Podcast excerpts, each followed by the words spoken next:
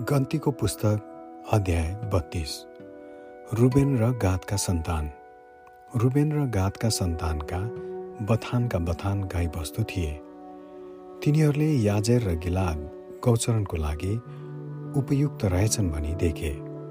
यसैले गाद र रुबेनका सन्तान मोसा एलाजार पुजारी र समुदायका नायकहरू कहाँ आएर यसो भने अतारोत दिबोन याजेर निम्रा हेसबोन एलाले सबाम नेबो र बौन जुन देशलाई परमप्रभुले इजरायलका समुदायको सामु नष्ट गर्नुभएको थियो यी देश गौचरणको लागि उपयुक्त रहेछन्।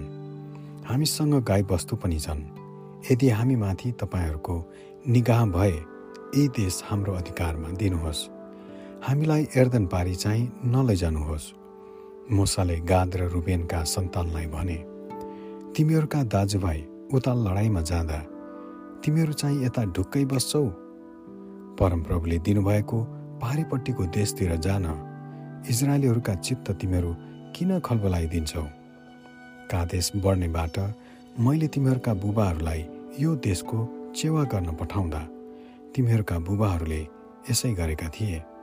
जब तिनीहरू यसकोलको बेसीमा गएर यो देश देखे तब परमप्रभुले तिनीहरूलाई दिनुभएको देशमा नजाउन् भनी तिनीहरूले इजरायलीहरूका चित्त खलबल पारिदिएका थिए।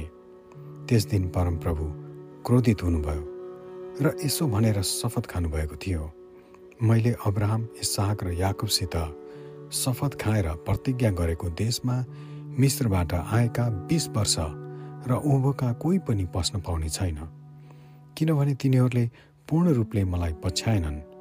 कनजी या पुण्यको छोरो कालेब र नुनको छोरो एहोसु मात्र पस्न पाउनेछन् किनभने यिनीहरूले चाहिँ सम्पूर्ण रूपले परमप्रभुलाई पछ्याए। इजरायलीहरूसँग परमप्रभु क्रोधित हुनुभयो र परमप्रभुको दृष्टिमा दुष्टता गर्ने पुस्तौका जम्मै नष्ट नहुन्जेल चालिस वर्षसम्म उहाँले तिनीहरूलाई उजाड स्थानमा यताउता डुलाउनुभयो। ए पापिष्टका सन्तान इजरायलतर्फ परमप्रभुको अझ धेरै भयानक क्रोध फेरि जगाउनलाई तिमीहरू उठेका छौ।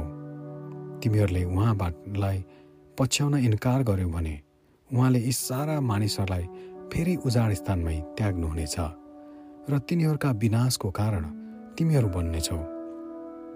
तब तिनीहरू मोसाको नजिक आएर भने हामी आफ्ना भेडाहरूका निम्ति खोर अनि आफ्नै स्त्री र बालबच्चाका निम्ति सहरहरू यहाँ बनाउन चाहन्छौँ। तर हामी आफै चाहिँ इजरायलीहरूलाई तिनीहरूका ठाउँमा नपुर्याउन्जेल। तिनीहरूका अघि लागेर सशस्त्र जान तयार छौँ। यसै बिचमा हाम्रा स्त्री र बालबच्चाहरू चाहिँ यस मुलुकका मानिसहरूबाट ती सहरहरूका पर्खालभित्र सुरक्षित रहनेछन्। इजरायलको हरेक मानिसले आफ्नो अधिकारको हिस्सा नपाउन्जेल हामी घर फर्कने छैनौँ। एर्दन पारिपट्टि र त्यसदेखि उता तिनीहरूसित हामीहरू हिस्सा लिने छैनौँ किनकि हाम्रो अधिकारको हिस्सा एर्दन पारी पूर्वपट्टि नै परेको छ।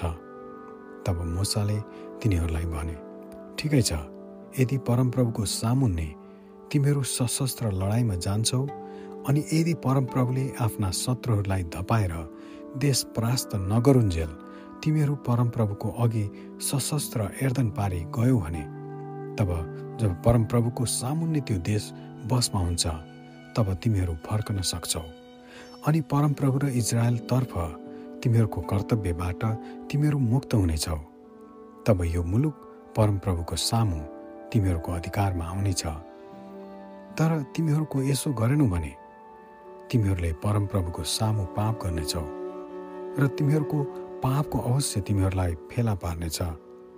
तिमीहरूका स्त्री र बालबच्चाका निम्ति सहरहरू र भेडा बाख्राका निम्ति खोरहरू बनाऊ तर तिमीहरूले गरेका प्रतिज्ञा पनि पुरा गर।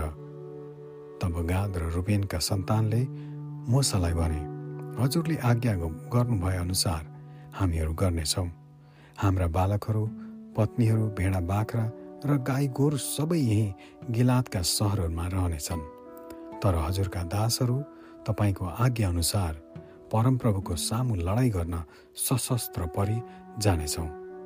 तब मोसाले तिनीहरूका विषयमा एलाजार पुजारी नुनका छोरा योसु र इजरायलीहरूका कुलका परिवारका मुखियाहरूलाई आज्ञा दिए। मुसाले तिनीहरूलाई यसो भने गाद र रुबेनका सन्तान तिमीहरूका साथमा परमप्रभुको सामु लडाइँमा सशस्त्र एर्दन पारी गए भने जब देश तिमीहरूको कब्जामा आउनेछ तब तिमीहरूले गिलात देश तिनीहरूको अधिकारमा दिनु। तर तिनीहरू अस्त्र उठाएर तिमीहरूका साथमा पारी जान मानेनन् भने तिनीहरूले तिमीहरूसँग कनान देशमै अधिकारको हिस्सा पाउनेछन्। गाद र रुबेनका सन्तानले यसो भने परमप्रभुले हामीलाई जे भन्नुभएको छ हामी गर्नेछौँ। हामीहरू हात हतियार भिरेर परमप्रभुको सामु पारी कनान देशमा जानेछौँ। तर हाम्रो अधिकारको भाग हामीलाई एर्दन पावारी नै होस्।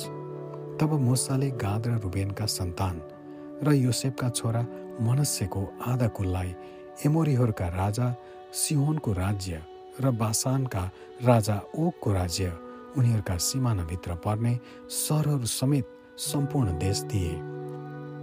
तब गादका सन्तानले दिबोन अदारोत अरोएर अत्रोय सोपान याजेर योगबाहा बेथ निम्रा बेथ हारान यी पर्खालले घेरेका सहरहरू बनाए र भेडा बाख्राका निम्ति खोरहरू बनाए। रुबेनका सन्तानले हेजबुन एलाले किएतिरमै नेब्रो बालमोन यिनीहरूका नाम बदलिएका छन् र सिम्बा बनाए र तिनीहरूले आफूले बनाएका सहरहरूका नाउँ राखे। मनस्यका छोरा माकिरका सन्तान गिलादमा गए। र त्यो गप्चा गरेर त्यहाँ भएका एमोरीहरूलाई निकालिदिए। यसरी मोसाले मनस्यका छोरा माकिरका सन्तानलाई गिलाद दिइहाले र तिनीहरूले त्यही नै बसोबास गरे। मनस्यका सन्तान याइर गएर त्यसका बस्तीहरू कब्जा गरे र ती सबको नाउँ हब्बात याइर राखे। अनि नोहब चाहिँ गएर किनात र त्यसका बस्तीहरू कब्जा गरे र ती सबलाई आफ्नै नाउँ नोबह दिए आमेन